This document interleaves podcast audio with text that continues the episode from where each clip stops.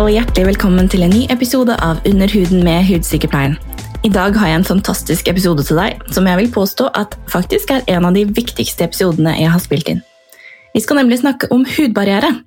Vi snakker om hvorfor dette med en god hudbarriere er nøkkelen til en sunn og frisk hud, og hvorfor. Hva skjer egentlig når vi overbehandler huden vår med eksempelvis retinol og andre A-vitaminderivater? Hva er hudens oppgave, og hvordan kan vi ivareta huden vår best mulig? Du skal få masse masse tips og helt konkrete råd og masse inspirasjon til ingredienser du kan se etter for å nettopp styrke din hudbarriere. Min gjest i dag er Therese Røssevold, som er utrolig kunnskapsrik og dyktig på hudbarriere og dermatologi. Hun har sin bakgrunn innen bl.a. medisinfag og hele 16 års erfaring fra bransjen. Nå jobber hun i og med et verdensledende brand innen medisinsk hudpleie. Om du sitter igjen etter episoden og er litt nysgjerrig på produkter som kan være gode for å bygge hudbarriere, så send meg gjerne en DM på Instagram at hudsykepleien, så kan jeg gi deg noen tips. Men la oss kjøre i gang, for dette blir gøy.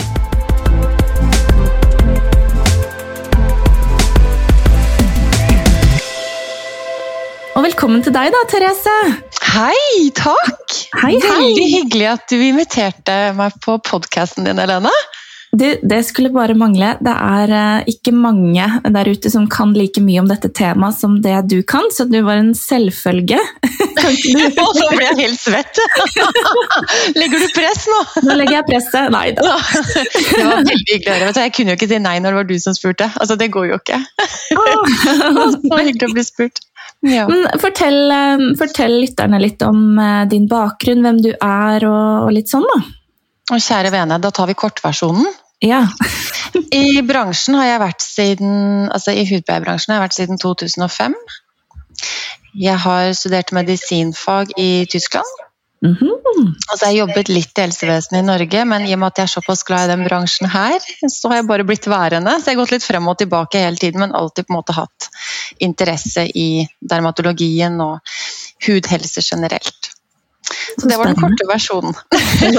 ja, det var det. det var en veldig kort versjon, ja. For å ta det helt fra starten, helt fra toppen. Hva er egentlig da en hudbarriere? Hudbarrieren er det som beskytter ditt interne mot det ytre og de eksterne faktorene. Det kan være patogener som virus, bakterier, eh, forurensninger, UV-stråler Alt som kan påvirke dine indre organer. Er, altså, hudbarrieren beskytter deg mot alt som kommer fra det eksterne. Fra områdene rundt deg. Mm. Ikke sant? For uten den så hadde vi jo ikke overlevd, rett og slett. Da hadde vi dehydrert og blitt ja. så små ikke-levende organismer. Det er jo derfor, eh, bare en digresjon, at de som får alvorlige brannskader, ofte eh, dessverre omkommer. Det er jo pga. at hudbarrieren er så brutt at vi bare dehydrerer, som du sier. Mm. Så dette med hud er kjempeviktig, men viktigere enn folk tror.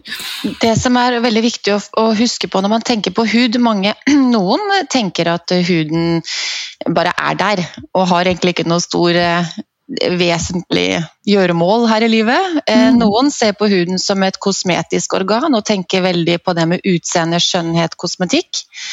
Eh, mens eh, andre ser på huden som et levende organ med masse forskjellige funksjoner. Jobber stadig vekk for deg og ikke mot deg, som veldig mm. mange får opplevelsen av særlig ved aldring. At huden ikke helt vil samarbeide. Huden bør nok ses på som mer enn et kosmetisk organ, men også som en funksjonell, funksjonelt organ. Pluss mm. at det er et immunforsvar. Ikke sant? Og den reflekterer jo i stor grad måten altså det indre er, og hvordan vi har det, og hvordan vi behandler oss selv også, syns jeg. Så ja. Det der er litt merkelig, for hvordan vi føler oss er ofte hvordan vi ser ut. Mm. Og hvordan ja. vi ser ut er også sånn som vi føler oss, så det går litt begge veier. Så det er klart, hvis man går gjennom en tung tid eller en livskrise eller noe som påvirker oss i negativ stand, så vil det også kunne synes på huden, så absolutt. Mm. Mm. Og når du sier det, jeg har hatt så mange pasienter som plutselig denne vinteren har fått hudplager de aldri har hatt før. Eh, spesielt type eksemer rundt øynene, rundt munnpartiet. Og det er jo selvfølgelig altså Masker har jo en del av skylden, men også stress, tror jeg. At man går gjennom tøffe ting, og, og livet er ikke sånn som det var før, og det er mye usikkerhet. Det feltet her er egentlig veldig, veldig interessant. Eh, I terminologien så kalles det psykodermatologi, som går på det psykiske opp mot eh, det somatiske og dermatologiske. Mm. Hvor stor påvirkningskraft tanker, stress, livsstil, ernæring Alt har samspill. Huden er en del av kroppen. Mm. Psyken er en del av kroppen. Eh, alt har eh, bindinger til hverandre. Så jo mer helhetlig man kan se på huden og på mennesker generelt, jo bedre eh, opplevelser vil kunden få, behandleren få, og jo bedre resultater vil man også kunne oppnå. Og Det er derfor man anbefaler å ikke gjøre kjemisk pil eller noen form for syrebehandlinger i form av kremer, peelpads osv. på um, kunder eller pasienter som går gjennom en livskrise eller har en veldig stressende periode i livet sitt. Man kan få kraftige negative reaksjoner. Mm. Og det, det, der er veldig, veldig viktig, og kanskje noe man eh, burde tenke litt mer på som, som behandler også. Absolutt. Men um, ofte så kommer jo pasientene og, og, har et problem, og de ønsker en løsning, og de er ikke helt gira på at man snur det i døra og sier du, beklager, du, du har det litt eh, stressende om dagen, så er ikke noe for deg. Nei, jeg er ikke noe å gjøre med deg.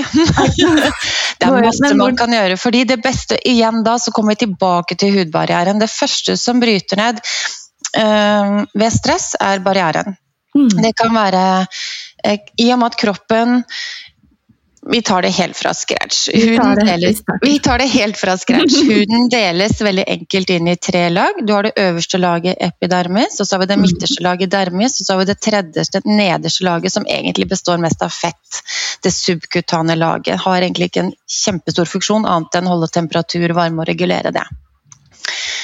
I øverste laget, altså i epidermis, så produseres disse såkalte kerotinocyttene, som ser ut som eh, runde, små celler som ligger i kolonner. Og disse cellene de migrerer oppover hele tiden, så vi skifter nesten som slange litt ham med, for hver eneste dag som går.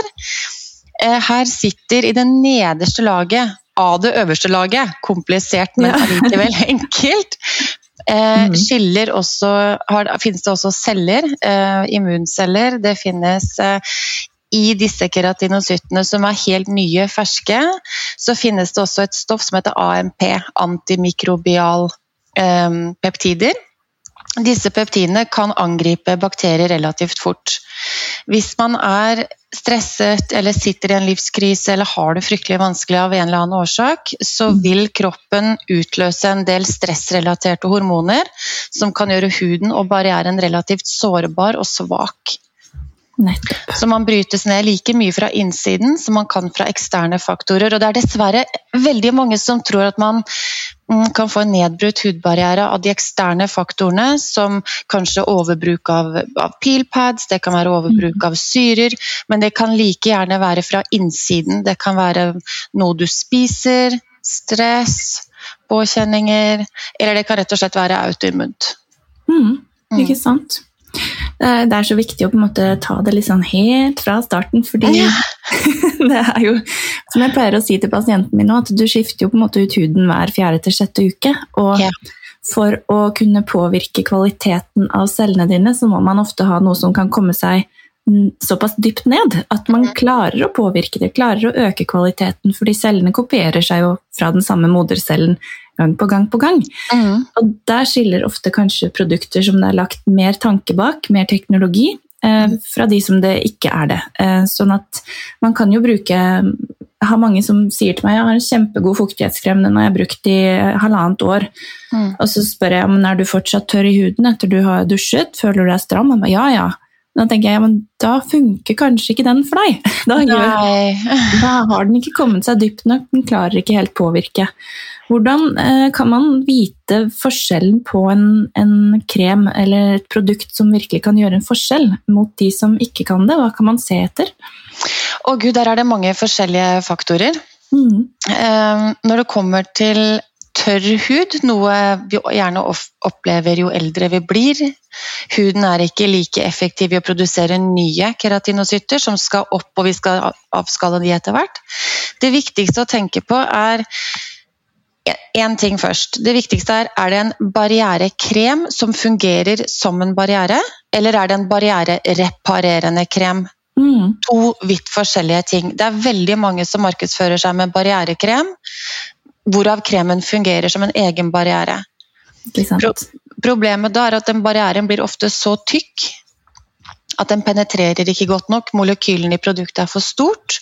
Mm. Det som da skjer til syvende og sist, bruker du dette produktet over for lang tid, kan, jeg sier ikke at det gjør, det kan bryte ned din egen barriere i og med at ikke du får de, de, de cellene som egentlig skal avskalles, blir sittende fast i den barrierekremen. Så du, du Mhm. lokker på, og så har ikke huden noe å gå på, og så bryter det mer og mer ned. Det blir som sånn lim. Det blir som lim. Det blir rett og slett som lim. Og da får man den Etter langtidsbruk så kan man få litt eh, den klassiske lærhuden hvor det ligger mye døde hudceller på lag, hvor huden ikke helt får avskallet seg og kommet med nye, friskere Mm. celler. Mm. Eh, Barrierereparerende krem er ofte i kombinasjon med veldig dyr teknologi. Det forskes mye på barriere om dagen. Mm. Fra vår side så har vi snakket om barriere i mange, mange år. Eh, Barrierereparerende ingredienser er veldig ofte ingredienser hvor kroppen selv kan kjenne igjen ingrediensen. Viktigst å tenke på er ceramider, som er lipid, altså fettstoffer. Mm. Barrieren består ikke av fett, nei, består ikke av vann, den består av fett. Mhm. Det er ceramider, som er fettstoff, det er kolesterol, og så er det frie fettsyrer. Og den barrieren ligger i de aller ytterste hudlagene av epidermis. Mm. Så veldig mange som kommer til oss og sier at vi har, eh, har, eh, jeg har tørr hud, jeg skulle gjerne hatt en, en, eh, en fuktighetskrem. Man trenger i utgangspunktet en kombinasjon av fukt og fett, for når barrieren bryter eller blir redusert, kan også være av en årsak aldring, Mm. så trenger huden både fukt og fett. Når Mm. barrieren brytes ned, så mister huden en del vann, en del fukt, noe som gjør at huden krymper og føler seg dårligere og dårligere. Enhver celle trenger væske, et godt miljø for å kunne gro, for å kunne vokse og produsere nytt. Ikke sant? Det blir som det der eplet som har skrumpa litt inn. Eh, Det blir som det eplet, akkurat. Mister litt fukt. Ikke sant? Men det er veldig spennende at du sier det, fordi ofte altså De som kanskje har den dårligste barrieren av de alle, er jo aknepasientene våre. Ja. Og det er så mange av de som kommer til meg, og jeg spør på en måte ja, hvilke, hvilke produkter bruker de hjemme, og de skyr jo fettstoffer som, som om det skulle vært noe annet. Men jeg tenker at ja. det er en sånn greie da, om at aknehud de skal bare ha fukt, ikke noe fett. Mm. Hva tenker du om det? Jeg tenker det blir veldig veldig feil. Mm. Og spesielt hvis det, hvis det er inflammatorisk akne, altså betent akne, så har det vært i tidligere så har man behandlet akne først. Og så har man Mhm. behandlet inflammasjonen etterpå, og det er helt feil rekkefølge i utgangspunktet. Jo større inflammatorisk tilstand huden er i, jo mer akne vil bli produsert. Huden blir i maratonfasen, løper og løper og løper, prøver å reparere. Mm. Eh, Men til slutt så går den på litt sånn overdrive. Det som skjer er at du får mer akne, produseres mer talg for å overkompensere for mangel på fukt og mangel på fett. Og hvis huden har mangel på ceramider, kolesterol og frie fettsyrer, så vil huden produsere selv for å kompensere for noe den mangler i utgangspunktet. Mm. Så en kombinasjon av fukt og fett. Og hvis man kan, vi vet det finnes der ute, produkter som både har kapslet inn i egne såkalte sferolitter. Det er en, en innkapslingsmetode hvor du kan både kapsle inn vann, altså fukt, mm. og fett, de riktige fettstoffene. Hvor du får da penetrert fettstoffene dit det skal, og vannet kan penetrere enda dypere. Så vannet får lagt seg under fettstoffene for å beholde på fuktigheten sin. Og det kaller vi å opprettholde den naturlige fuktfaktoren NMF i huden. Ikke sant? Fordi huden vår består jo Altså, den er jo vanntett, ikke sant? Sånn ja, den er vanntett, og det er er jo fettet. Det blir vann på voks, og det er det Mhm. veldig mange som glemmer. så da er det det her med den, eh, den litt sånn smarte teknologien igjen, at man har pakket inn, inn ingrediensene på en smart måte, sånn at de kan på en måte bevege seg nedover i hudbarrieren uten mm. å, å stoppe opp. Uh, og det er jo kanskje et av, eh, et av det, noe av det man kan se etter da, hvis man skal eh, finne seg et produkt uh, som, som kan gjøre dette. Det tror jeg er veldig veldig viktig. Også, vi, ser jo, vi ser jo det her daglig. Um, Det, kommer, det, kan være unge som eldre. Det det kanskje det vanskeligste å behandle er hormonell akne. Det kommer av litt andre mm. årsaker, men er det generelt et akneproblem og det ikke har noe sånn spesielt med hormonsystemene å gjøre, kan også ses på blodprøver. Mm. Eh, så blir det en inflammatorisk tilstand, og den inflammatoriske tilstanden blir så betent. Eh, akne fester seg, du får ikke særlig gjort noe med det, og behandlere blir litt stressa selv, for de ser mm. at Man kan jo tenke seg selv, man kommer inn, har mye akne, man blir stressa, man føler seg ikke bra. Hele dette her blir en sånn svart, ond sirkel. Selvfølelsen blir dårlig. Og når selvfølelsen blir dårlig, så blir du stressa igjen. Mer akne kommer. Så det er en veldig ond sirkel. Og selvfølgelig, som behandler, så har man jo veldig lyst til å hjelpe, sant? Mm, For til slutt, så, På noen så blir det så ille at det går utover det sosiale livet også. De har ikke lyst til å gå ut. Man kanskje vil ikke gå på det jobbintervjuet man har blitt bedt om. Man ønsker kanskje ikke å gå på en date, for man har fått fire kviser. altså, ja. det, det, kan hindre en fra veldig veldig mye. og Så setter man i gang som behandler, og så tenker man pilpad, syrer, her skal vi kjøre på. Ikke sant. Aldri. Så, er det betent? Helt riktig. Er det betent, så roer vi først ned betennelsen, får det under kontroll.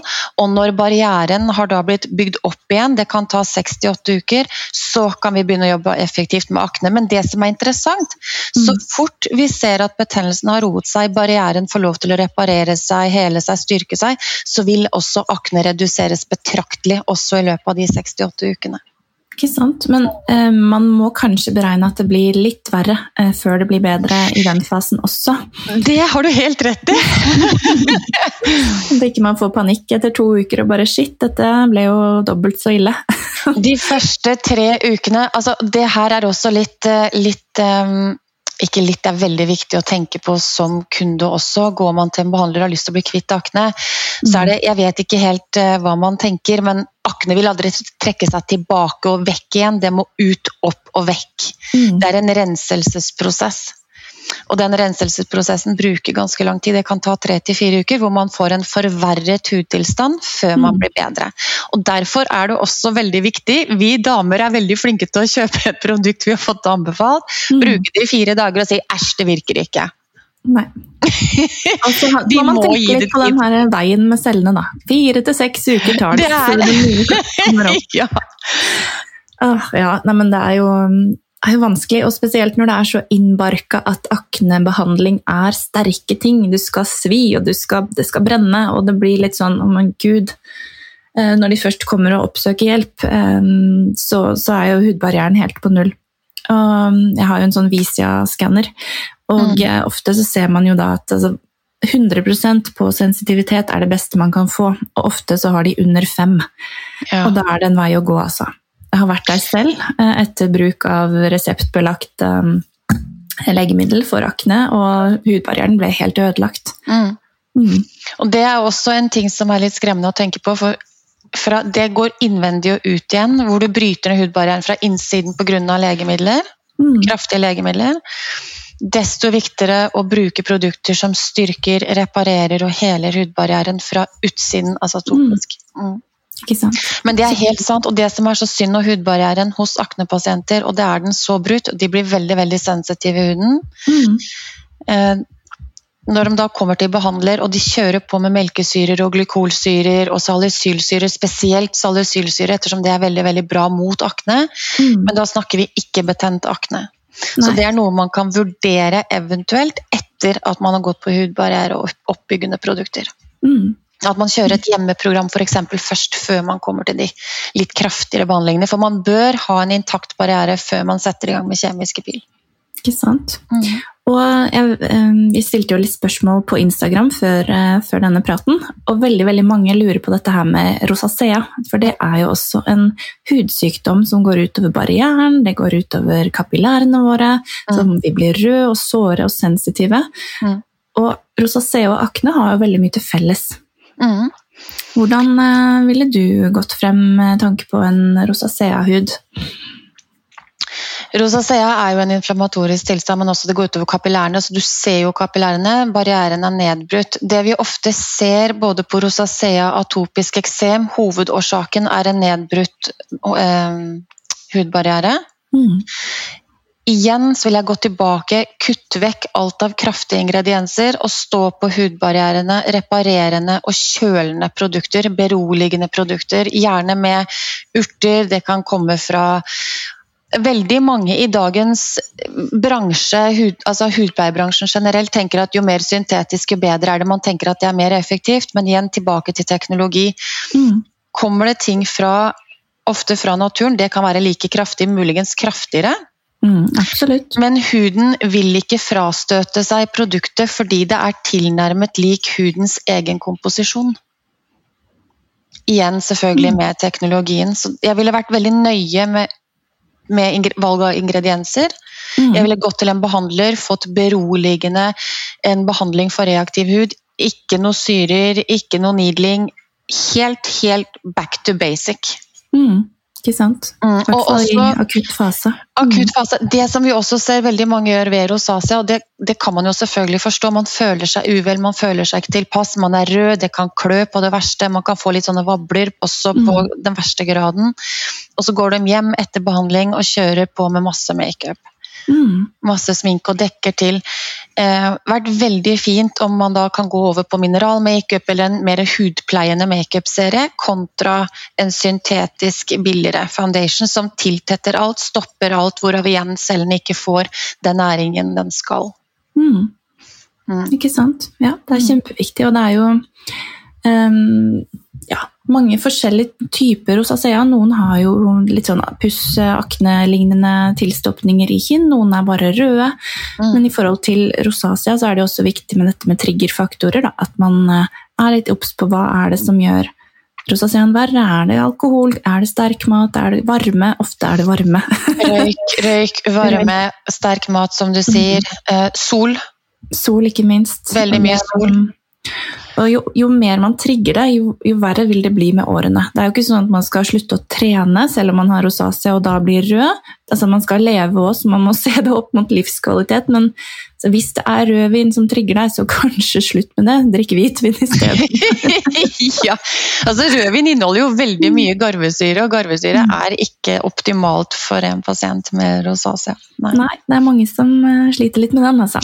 Men trening, trening er også litt sånn Det er bra du sier, for trening er supereffektivt og superviktig for å opprettholde en sunn hudhemostase. Eh, dermed mm. det midterste laget av huden får blod, får tilført næring, men også fjerner toksiner og avfallsstoffer fra eh, epidermis, altså det øverste laget. Mm. Eh, holder man seg i aktivitet, det kan være 30 minutter om dagen, som også blir anbefalt. Holder man seg aktivitet i 30 minutter med litt høyere puls, setter i gang blodsirkulasjonen, hvorav huden lettere får renset seg for avfallsstoffer og toksiner som kan ligge i epidermis, som skilles ut med, med vener i, i hud. Mm, fra kapillærer til vener. Mm. Igjen, vi er en enhet. Altså hele kroppen. det, men det ser vi veldig ofte på rosacea-pasienter, for de har helst ikke lyst til å trene så mye, for de blir rødere. Mm. Men samtidig er det veldig viktig at de gjør det, så ikke avfallsstoffene blir liggende igjen på huden og forverrer situasjonen. Mm. Ikke sant. Men selvfølgelig, moderat trening er helt greit. Man trenger ikke å kaste seg på seks spinningtimer om dagen. Altså, nei, nei. Det kan jo være greit. Men nå som det er så kaldt, og folk Eller det har vært kaldt, nå er det blitt mildere igjen.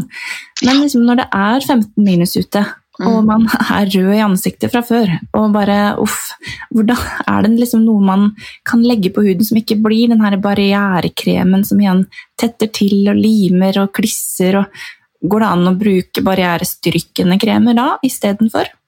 Definitivt. Mm. Definitivt. Det er veldig mange som, og det sitter også litt fast fra gamle dager, at kuldekremer skal være feite. De skal, være, de skal, de skal sitte som, sånn som du sa i stad, som et lim på huden. sant? Mm. For det, det, er Sånn har jeg vokst opp. i hvert fall. Du husker sikkert ja. de klassiske Du følte nesten at du gikk med vaselin i fjeset til enhver tid. Ja. Heller ikke en god idé, for det, det, tetter igjen. Selv om det beskytter mot kulde, så vil det tette igjen huden. Så det har litt sånn dobbeltfunksjon. Mm. en er positiv, og den andre er negativ. Mm. Står man på barriereoppbyggende og reparerende ingredienser og produkter, så vil man mm. se en vesentlig bedring både i form av å beskytte seg mot kulde, men også reparere huden i epidermis fra fra rosacea eller fra peroral dermatitt eller for de som har atopisk eksem eller ja. Ikke sant. Mm. Det er kjempeviktig. Eh, litt tilbake til disse ingrediensene man kan se etter da, eh, når man skal velge seg et produkt, eller hvilke som er viktige for for en hudbarrierestyrkende funksjon. Jeg har nevnt litt med dette med ceramider, det finnes jo ulike typer. Mm. Hvordan er de liksom beskrevet i et pakningsvedlegg eller på, på teksten? Hva, står det bare ceramider, eller er det andre fiffige ord vi kan se etter? Det er veldig mange fiffige ord på ceramider, men i utgangspunktet står det ceramider så kan det være én, to, tre. altså Ceramider blir gruppert, og man kan gjøre det superkomplisert eller veldig enkelt. Veldig ofte er det bedre å se etter en, en krem som ikke bare inneholder ceramider, men også fytosterol. Det kan være squalen, som er en øh, hentet fra, fra oliven, faktisk. Mm. Mange tenker olivenolje. Nei, det er ikke klassisk olivenolje, men de henter ut skvalen fra olivenolje. Mm. Så hvis man klarer å finne ceramider med skvalen, så er det det beste. Og så er det veldig komplisert, for noen fabrikker og produsenter har egne ord for ceramider. Så den ene produsenten kan kalle ceramider for én ting, mens den andre kan kalle noe for en annen ting. Men der tror jeg at du kanskje er bedre enn meg, Helene. har du noen forslag? Nei, jeg har også sett at det ofte står ceramid type 3, 7, 4, altså en eller annen type gruppering. Så, så det er det jo. Det fins jo, som du sa, mange forskjellige fettstoffer, lipider, eh, bl.a. fra olivenolje, fra, fra kokos, fra skjeasmør, fra altså, andre typer oljefrukter, avokado, ikke sant? Mm. Sånn type oljer. Eh, men også sånn glyserin er litt sånn undervurdert. Den er jo en sånn god gammel traver som, som fins i veldig mye. Eh, så den kan være fin å se etter, samt eh, liksom, hyaluronsyre, da, klassikeren. ikke sant? Hyaluronsyre, Og så har du også kaprylik triglycerid. Ja. Det er også en, Den har litt mer fancy navn. Det er også kokosnøttolje, men mm. ikke mm. kokosnøttolje som er den tjukke massen, Nei. men hentet ut de viktigste ingrediensene. og Det heter enten capric triglycerid eller caprylic triglycerid. Den ingrediensen er veldig undervurdert.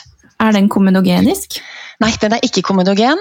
Nei. Så du kan ikke få noe tiltetta porer i det hele tatt. Og den er også veldig beroligende. Den er kjempefin for de som har rosacea eller atopisk eksem, peroral dermatitt, inflammatorisk tilstand generelt. Mm.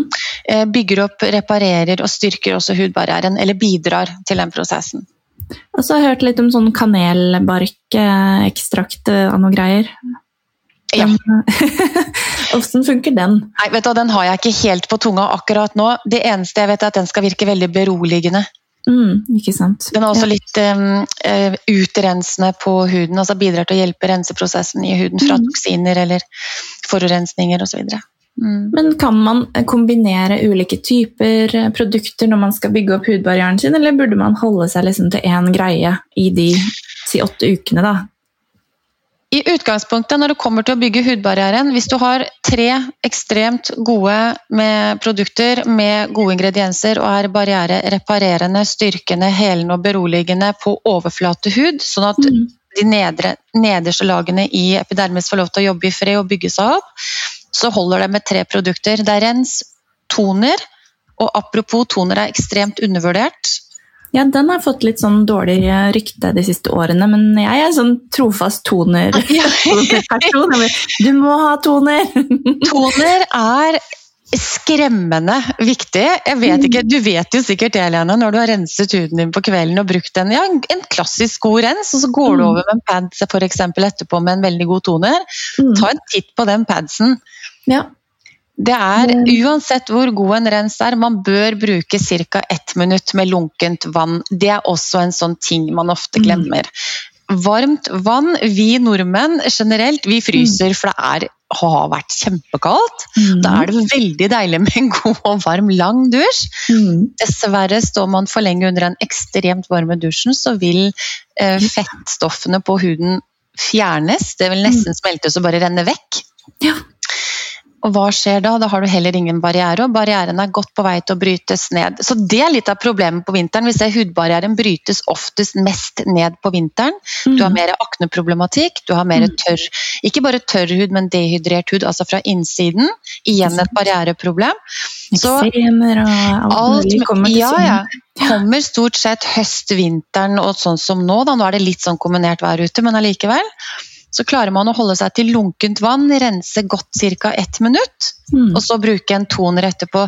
Ikke bare for å fjerne de små restene som er igjen, men også for å pH-nøytralisere huden så godt som mulig, og gjøre huden klar for videre behandling med et serum og eventuelt en krem, eller krem eventuelt serum. Jeg syns ofte jeg føler at hvis jeg har prøvd å smøre meg med en krem både med og uten toner, så føler jeg at den trekker bedre inn da, mm. etter jeg har brukt en toner. Og det er jo fordi den baner litt, litt vei da, nedover i huden også. En fuktig hud, det er det. En fuktig hud, altså, på en fuktig hud penetreres alltid de neste produktene mye lettere, enklere mm. og dypere. Mm. På en tørr hud vil det ta lengre tid før produktene får blitt altså 100% absorbert. Ja, mm, man kan jo prøve å vanne en helt tørr potteplante og se hva som skjer. Det flyter vannet litt sånn. Det gjør det, og det, det, som også kan anbefales, er at etter at man har gått over med toneren på en pads, renset mm. godt over med den, så kan man spraye seg litt i ansiktet med den samme toneren, og så smøre på seg kremen med mm. fukten fra toneren. Du vet, Vann inneholder også en del tungstoffer og kjemikalier som ligger og endre litt på pH-verdien i huden. Og mm. pH-verdi er viktig for å opprettholde også en god og sunn barriere. For huden er jo litt syrlig, ikke sant? Og det er, er jo denne her syrekappen, syremantelen vi har i, i huden for å beskytte oss mm. mot patogener, som du sa um, tidlig i programmet, holdt jeg på å si. Ja. Beskytte oss mot virus. Og, og det, hvis man får en for basisk hudbarriere, så er man jo mer utsatt, da. Det er helt riktig. og det det er nok der også, sånn som vi var inne på i stad med rosacea f.eks., eller betent akne. Mm. Eh, for det første så bruker man for varmt vann, og så kommer man og bryter, og så bryter ned barrieren. Eh, og så blir, har man egentlig ikke tenkt over det før problemene har oppstått. Man mm. merker det kanskje ikke helt før, man tenker kanskje ikke over det, fordi huden bare er der. Mm, er vel, ja, den bare er der helt til problemet har oppstått, og da må vi komme inn og gjøre brannslukning. Rens, toner, eh, god oppbyggende krem. Prøve å opprettholde normal pH så godt som mulig. Det veldig mange heller ikke kanskje tenker over, det vil man jo egentlig ikke tenke over sånn at man jobber med det sånn som vi gjør, men mm. på huden så sitter det en del altså Vi er jo bakterier eh, over, overalt, også på huden. Gode bakterier. Vi har også en del gode soppbakterier. Og det mm. fins faktisk en del virus også som sitter på huden. Mm. Eh, I huden så sitter disse langerhanscellene, som er immunceller. De er antiinflamatoriske, men de er også kan bli aktive mot å, mot å lage antigener sammen med T-celler, sitter dypere. Eh, det finnes masse celler, jeg skal ikke gå så dypt inn på det nå. Men alle disse jobber sammen for å kunne hindre infeksjoner. Så de lager antigener og antistoffer mot bakterier og virus som kommer på overflaten av huden hele tiden. Og når man ikke har en intakt barriere, så vil disse patogene bakteriene og virusene, altså de slemme, syke, kanskje kommer via en vert, sånn som virus, så vil man få skader i huden. Og vil, når hudbarrieren ikke er intakt, så vil det penetrere dypere og lage en inflammatorisk tilstand. Ikke sant. Mm. Og, um, det, det, du snakker om, er altså, hudens mikrobiom, er jo en veldig sånn um, fin symbiose, eh, egentlig skal være. Men jeg tror nok veldig mange har en forstyrret symbiose der. At det, som du sier, kan veldig lett oppstå problemer dypere ned i huden. F.eks. Dermatitter, da, ikke sant? som veldig mange får. Og de sitter en stund. Og de sitter en stund, ja. sitter en stund, herre min. og så tror jeg det er veldig viktig også for folk å forstå at i og med at huden faktisk er et organ, så tar mm. det, det tar tid. Det mm. tar tid. Um, man må på Altså, man har ikke fått den inflammasjonen over natten. Det har tatt tid å få den, og det vil ta tid å reparere det. Men det er ikke dermed sagt at det er umulig. Nei. Og det er ikke, altså, må, må si det også at Har man fått et, et, reelt hudproblem og en hudsykdom, så er det selvfølgelig også viktig å sjekke med en hudlege om det er noe som burde behandles med, med, med legemidler. legemidler. Mm. Absolutt. Det er ikke sånn at vi sitter her og er veldig veldig sånn Alt kan behandles med krem. Nei, nei, nei, nei. Alt kan ikke behandles med kremer, så nei, absolutt ikke. Men veldig mye kan behandles mm. av hudterapeuter, av kosmetisk dermatologiske sykepleiere, sånn som deg. Og er det veldig ille, så må også vi selvfølgelig kjenne vår begrensning og sende de videre til dermatologer, så de får gjort jobben sin. Men man kan kjøre et samarbeid også. Folk Står mm. man på legemidler og får oppfølging av dermatologen, og det er de veldig flinke til å følge opp pasientene sine i form av mm. blodprøver. De er flinke til å følge opp i form av bare det å ha en samtale, få konsultasjoner osv. Så, videre. så kan man kjøre samarbeid med oss eh, på hva slags type produkter man kan og bør stå på under behandlingstiden fra dermatologen. Mm. Det er kjempelurt og veldig veldig viktig med den tverrfagligheten. Fordi Ja. ofte så, så ser man ting fra sitt synspunkt og glemmer litt den helheten da, som du snakker om. Så, men jeg syns det er Nordmenn er litt, litt dårlig på å oppsøke kyndig hjelp når det kommer til hud. Det er liksom veldig greit når det gjelder andre ting, sånn som hjerte og lunger og andre litt sånn ikke, høyt, høyt aktede organer. De essensielle, på en måte. Ja. skal man liksom, det skal man fikse sjøl. Eh, og det er jo Ja. ja du, kan, du vet hva jeg syns om det. Men vet du hva, jeg er helt enig med deg. Men igjen, jeg tror veldig mange tenker at huden bare er der. ja, ja. Det bare er noe som er der. Jeg tror ikke de forstår alle funksjonene huden faktisk har. Og det er faktisk det, det organet. Det beskytter deg mot alt som er eksternt. Uten huden så overlever vi ikke. Nei. Hvis du er ser på innen geriatrien, da, innen eldreomsorg f.eks. Ja, hvis du ser på huden, den er rynkete, den har, du ser at de har levd livet. Ja, kan ja. du se? Det er fint.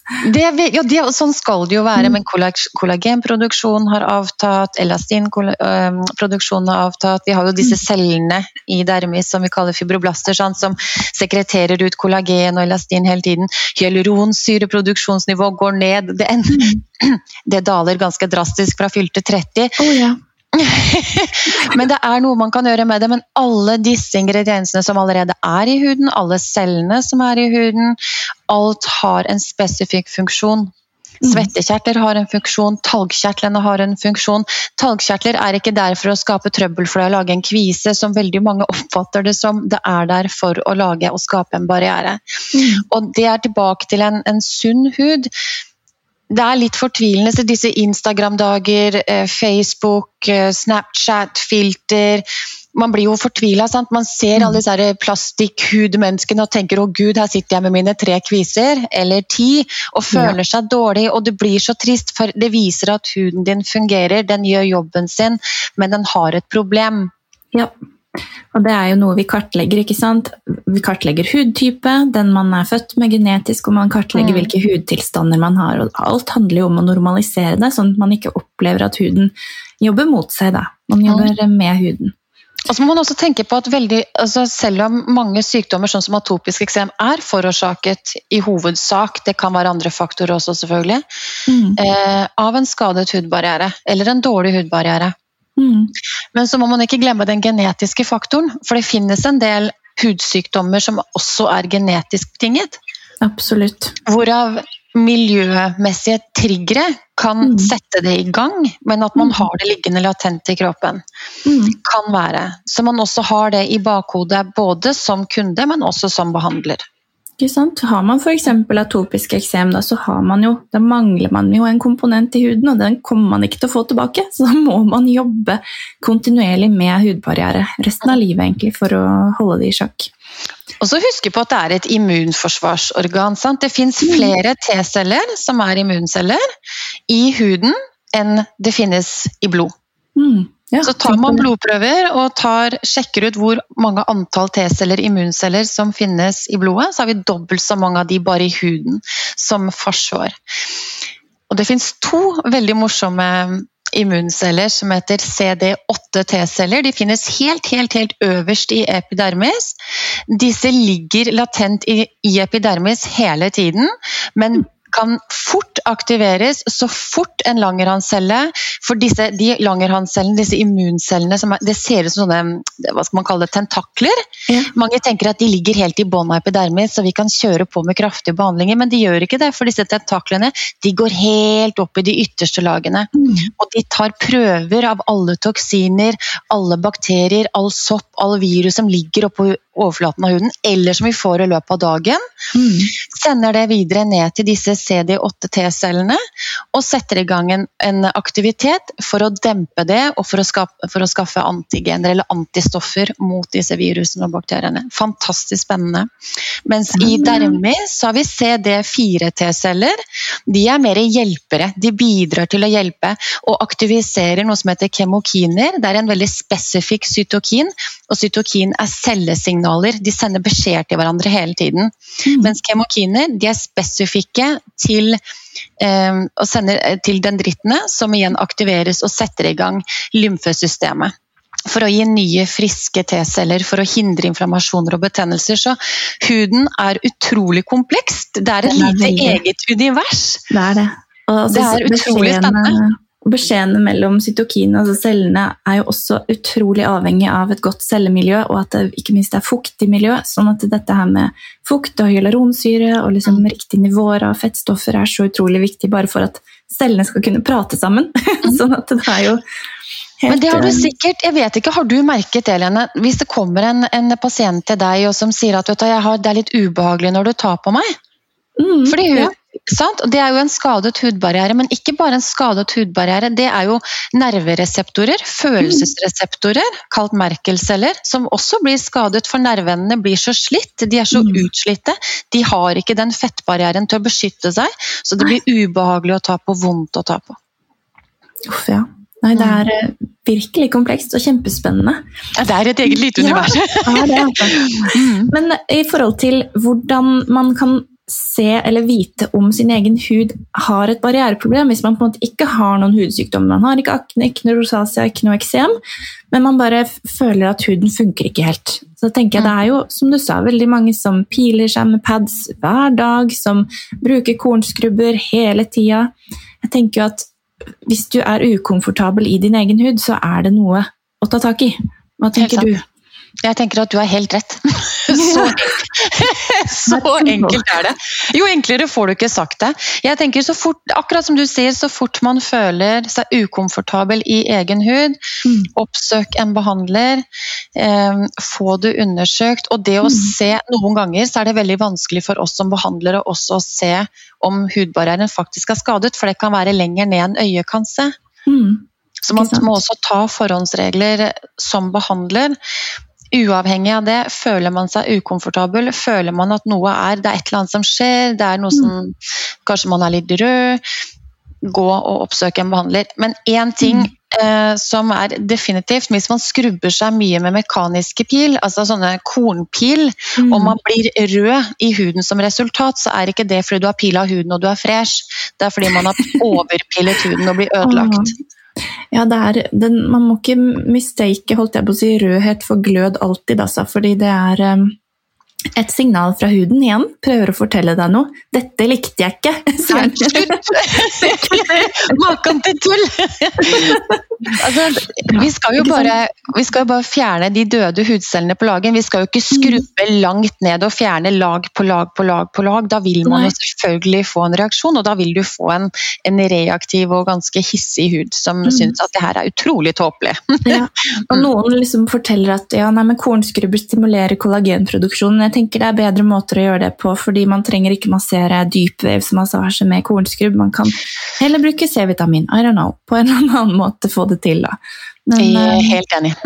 Men ikke sant? da kan man jo tenke litt på eh, Blir man rød når man vasker seg, føler seg stram etter rens? Har man småflass ikke sant, på huden hele tiden? Har man rødhet? Alle disse tegnene er jo på en måte noe som forteller at hudbarrieren ikke har det helt bra. Og jeg tenker spesielt som du sa på at blir man rød, eh, og det er det ikke alltid man vet, for har man en mørkere hudtype, ikke sant? Mm. så er det veldig vanskelig å se eh, rødhet i huden, som ofte er et tegn på inflammasjon. Men da igjen har man kanskje en Visia-skann som kan gi et veldig overraskende bilde av eh, hvordan det ser ut under huden. For der ser det, der lyser det opp. det er Der skal man ikke skjule noen ting, nei. Nei, nei, nei. Den skanneren er jo helt fantastisk, virkelig. Ja, det er den. Så den eh, Og den er jo for å hjelpe. Jeg vet også at det er en del mennesker som kvier seg for å gå, fordi de er redd for å vite resultatet. Ja, men man kan lukke øynene, så kan man behandle, se og anbefale. Helt enig, men uten så er det vanskeligere å se om det er lettere å behandle med Det er jo på sånn, Resultatet er der uansett om du vet det eller ikke, så det er jo på en måte bare å, å ikke, svelge den kamelen. Hvis det ofte får man et hyggelig resultat, og jeg prøver jo på en måte å formidle hva som er bra med huden din også, ikke bare Ja. det som kan forbedres. Så absolutt ikke vær redd for å, man må ikke være redd for å ta en Visia-skann altså, og gjøre en konsultasjon. Men der er jo du veldig flink, for du ser jo det positive og det som kan gjøres noe med. Og det som kan gjøres noe med, er ikke, er ikke det samme som noe negativt. Nei da, det er jo bare forbedringspotensialet. Det er akkurat det det er, og man trenger ikke masse hokus pokus, men det viktigste av alt, man trenger tålmodighet og tid, og de Mm. riktige ingrediensene med de riktige produktene og den riktige behandleren. Du, der summerte du det veldig fint. Hele, hele episoden. Så jeg trenger ikke gjøre noe avslutning ennå. Bare Sorry! Men hva slags pasienter er det du får mest av, Helene? Du, jeg har jo veldig mye aknepasienter, jeg, da. Jeg har det.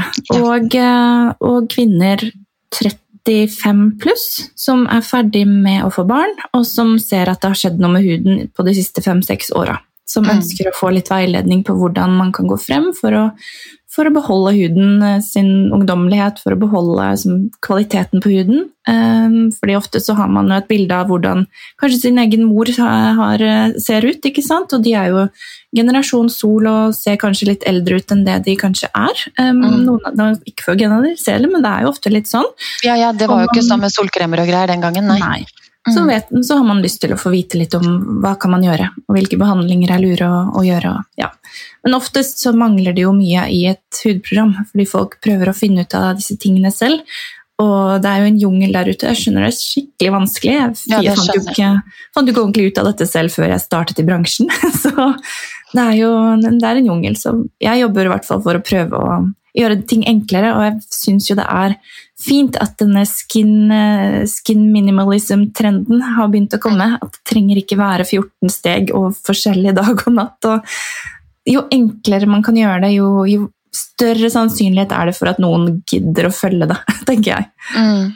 Mm. Jeg er helt enig med deg, men vi har jo jobbet for i B4K Skincare lenge Mm. eh, om å snakke hudbarriere. Eh, jo færre produkter huden og, altså Ikke bare jo færre produkter, men jo færre ingredienser huden trenger å venne seg til på én gang, jo Mm. bedre er det.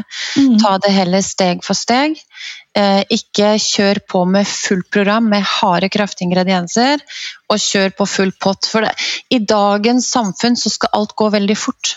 Alle Mm. behandlinger skal gå fort. Det skal være quick fix på quick fix på quick fix. Mm. Dessverre så er ikke huden et quick fix-organ.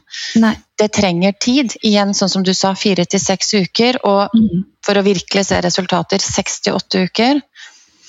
Yep. Så litt roligere tempo. Mm. Eh, heller bedre å jobbe med litt mer langsiktige mål og trygt. Mm. Og få utrolig gode, langvarige resultater. Mm. Enn kjappe behandlinger for et kort resultat som du ser flott ut i fire uker, og så kommer problemene tilbake. Mm.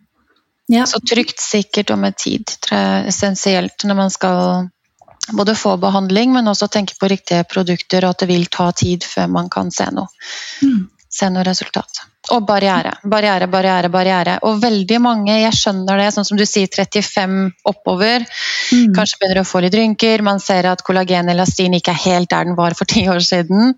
Ja. Eh, Ting faller litt sammen, føler det kanskje ubehagelig, jeg vet ikke. Man, man kjenner seg kanskje ikke helt igjen selv fra man har sett på bilder for kanskje noen år siden. Altså, en del skjer. Mm. Vi eldes. Derfor er jo vi litt sånn, ikke imot, men litt sånn anti-age. Altså, vi kan ikke være anti noe vi gjør uansett. Nei. Vi eldes om vi vil eller ikke, men ordet age management passer nok Mm. litt bedre. At man kan se best mulig ut, mest naturlig ut, på en optimal måte, hvor man føler seg vel uansett alder. Mm. Og for å kunne se vel ut uansett alder, og jo eldre vi blir, ironisk nok, jo viktigere er hudbarrieren. Mm. For den vil avta, det vil degraderes, akkurat som man, altså, kroppen produserer mindre kollagen med, med årene, mindre elastin, det blir mindre hyaluronsyre. Alt forminskes med årene. Desto viktigere å tenke på hudbarrieren, så at man ikke taper for mye vann, som kalles transepidermalt vanntap. Jo mer vann og fukt vi mister fra huden, jo fortere eldes huden også. Så gjerne kjør på med, med ingredienser som f.eks. retinol, som er en fantastisk ingrediens. Mm. Hvis man bruker det med måte og bygger det opp over tid. Yep. Men da helst med en intakt hudbarriere i utgangspunktet. Nettopp. Mm. Nettopp. Veldig enig. Veldig enig. Og, Ja. og age management handler jo også om at man trenger ikke eldes, elde huden fortere enn den eh, eldes naturlig, holdt jeg på å si. Det er jo Ja, handler litt om det. Ja, det gjør det. Ja. Og så føle seg vel i sin egen hud. Gå og få behandling, gå og få hjelp. Mm. Ja. Optimaliser din egen hud, ikke sant? Ja, og alle har sin egen hud og sin egen altså Den er helt unik hos hver Mm. enkelt person. Du ser jo det bare på fargen vår, teksturen vår. Den er helt unik for hver altså Man kan si lys hud, men lys hud kommer jo i massevis av nyanser. Mm. Og man, Det merker sikkert du veldig godt også, at du, for, du kan ikke legge opp én behandling for alle. Du må legge opp forskjellige behandlinger på nesten hvert enkelt individ. Og det er helt utrolig fascinerende å se på, og ikke minst responsen på behandlingen. Ikke sant? Det må skreddersys, og jo mer erfaring man får, jo mer hud man har sett, jo fortere kan man egentlig bare se på en hud og tenke ok, ja, du kan ikke gjøre det, fordi da vil du reagere sånn, da Nei, du trenger mer sånn. Ja, gi det åtte uker, så er du i mål. Man Men der er jo du en racer, da! du er helt rå! Tør nesten ikke å se på deg, vet du, for at bare å gud. Nei, nei, herregud. Sitter på toget og kikker på folk. Nei da. ja. Nei da. Men man blir jo under bordet, da. Jeg gjør ikke det. Jeg gjør ikke det. Jeg dømmer ingen. eh, Og jeg, det som jeg syns er kjempeviktig, er at når det gjelder hud og kosmetiske behandlinger, sånn, så pleier jeg aldri å anbefale folk noe med mindre de har spurt om det. Eller eh, tatt tak i det som et problem. Eh, fordi ja, nei, Jeg har ikke lyst til å påføre noen komplekser for noe de ikke har hatt komplekser for fra før. Ja, og det gjør du så rett i. Jeg vil ikke være den personen hvor folk går ut og bare 'Å, jeg visste ikke at jeg hadde sånn og sånn der', jeg. Nei. Mm. Men nå ser jeg det hele tiden. Nei. Det er jo helt riktig, og vi skal jo egentlig ikke svare før folk har spurt. Selvfølgelig er det noe som er alvorlig, eh, hvor du ser at her kan det være noe relatert til litt kraftigere sykdommer, så er det jo lurt å sende de videre. Man trenger ikke å si hva det er heller, men man kan bare Jeg anbefaler deg å gå videre til en dermatolog og få det undersøkt. Mm. Veldig lurt. Mm. Er- man kan jo finne seg en dermatolog man ønsker å samarbeide litt med, sende litt pasienter til og fra hverandre f.eks. Så ja. Det- Og igjen et samarbeid, at ikke man blir sittende på For det er veldig lett, sånn som du sa, ja, at man blir sittende på hver sin tue. Og så blir man Mhm. sittende og jobbe på den tua, og så glemmer man litt at hm, nå er jeg usikker, kanskje jeg skal sende de videre til den, eller jeg kan Mhm. kanskje ta kontakt med leverandøren min og høre de, om de har noen forslag. Altså, det er så mye man kan At vi heller samarbeider mer med hverandre enn å tenke at jeg sitter her, og dette er det jeg kan. Ikke sant? Ja, og det faget her er jo så spennende, for man blir aldri ferdig utlært. Det Nei. forskes så mye på, og det kommer så mye ny informasjon hele tiden. Så her må man holde seg godt fast og følge nøye med i svingene. Absolutt. Og det blir veldig spennende å se i årene fremover hva som kommer frem i ulike forskningsstadier, spesielt på ja, hudens mikrobiom og alle sånne ting. Det blir veldig spennende. Men kjære Therese, tusen hjertelig takk for eh, tiden din. Eh, vi skravla lenge, det var veldig gøy. Det gikk så fort. Det var veldig hyggelig. Ja, Så får du ha en nydelig dag videre, og så snakkes vi senere. Ja, men det gjør vi. Tusen takk. Ha det! Ha det.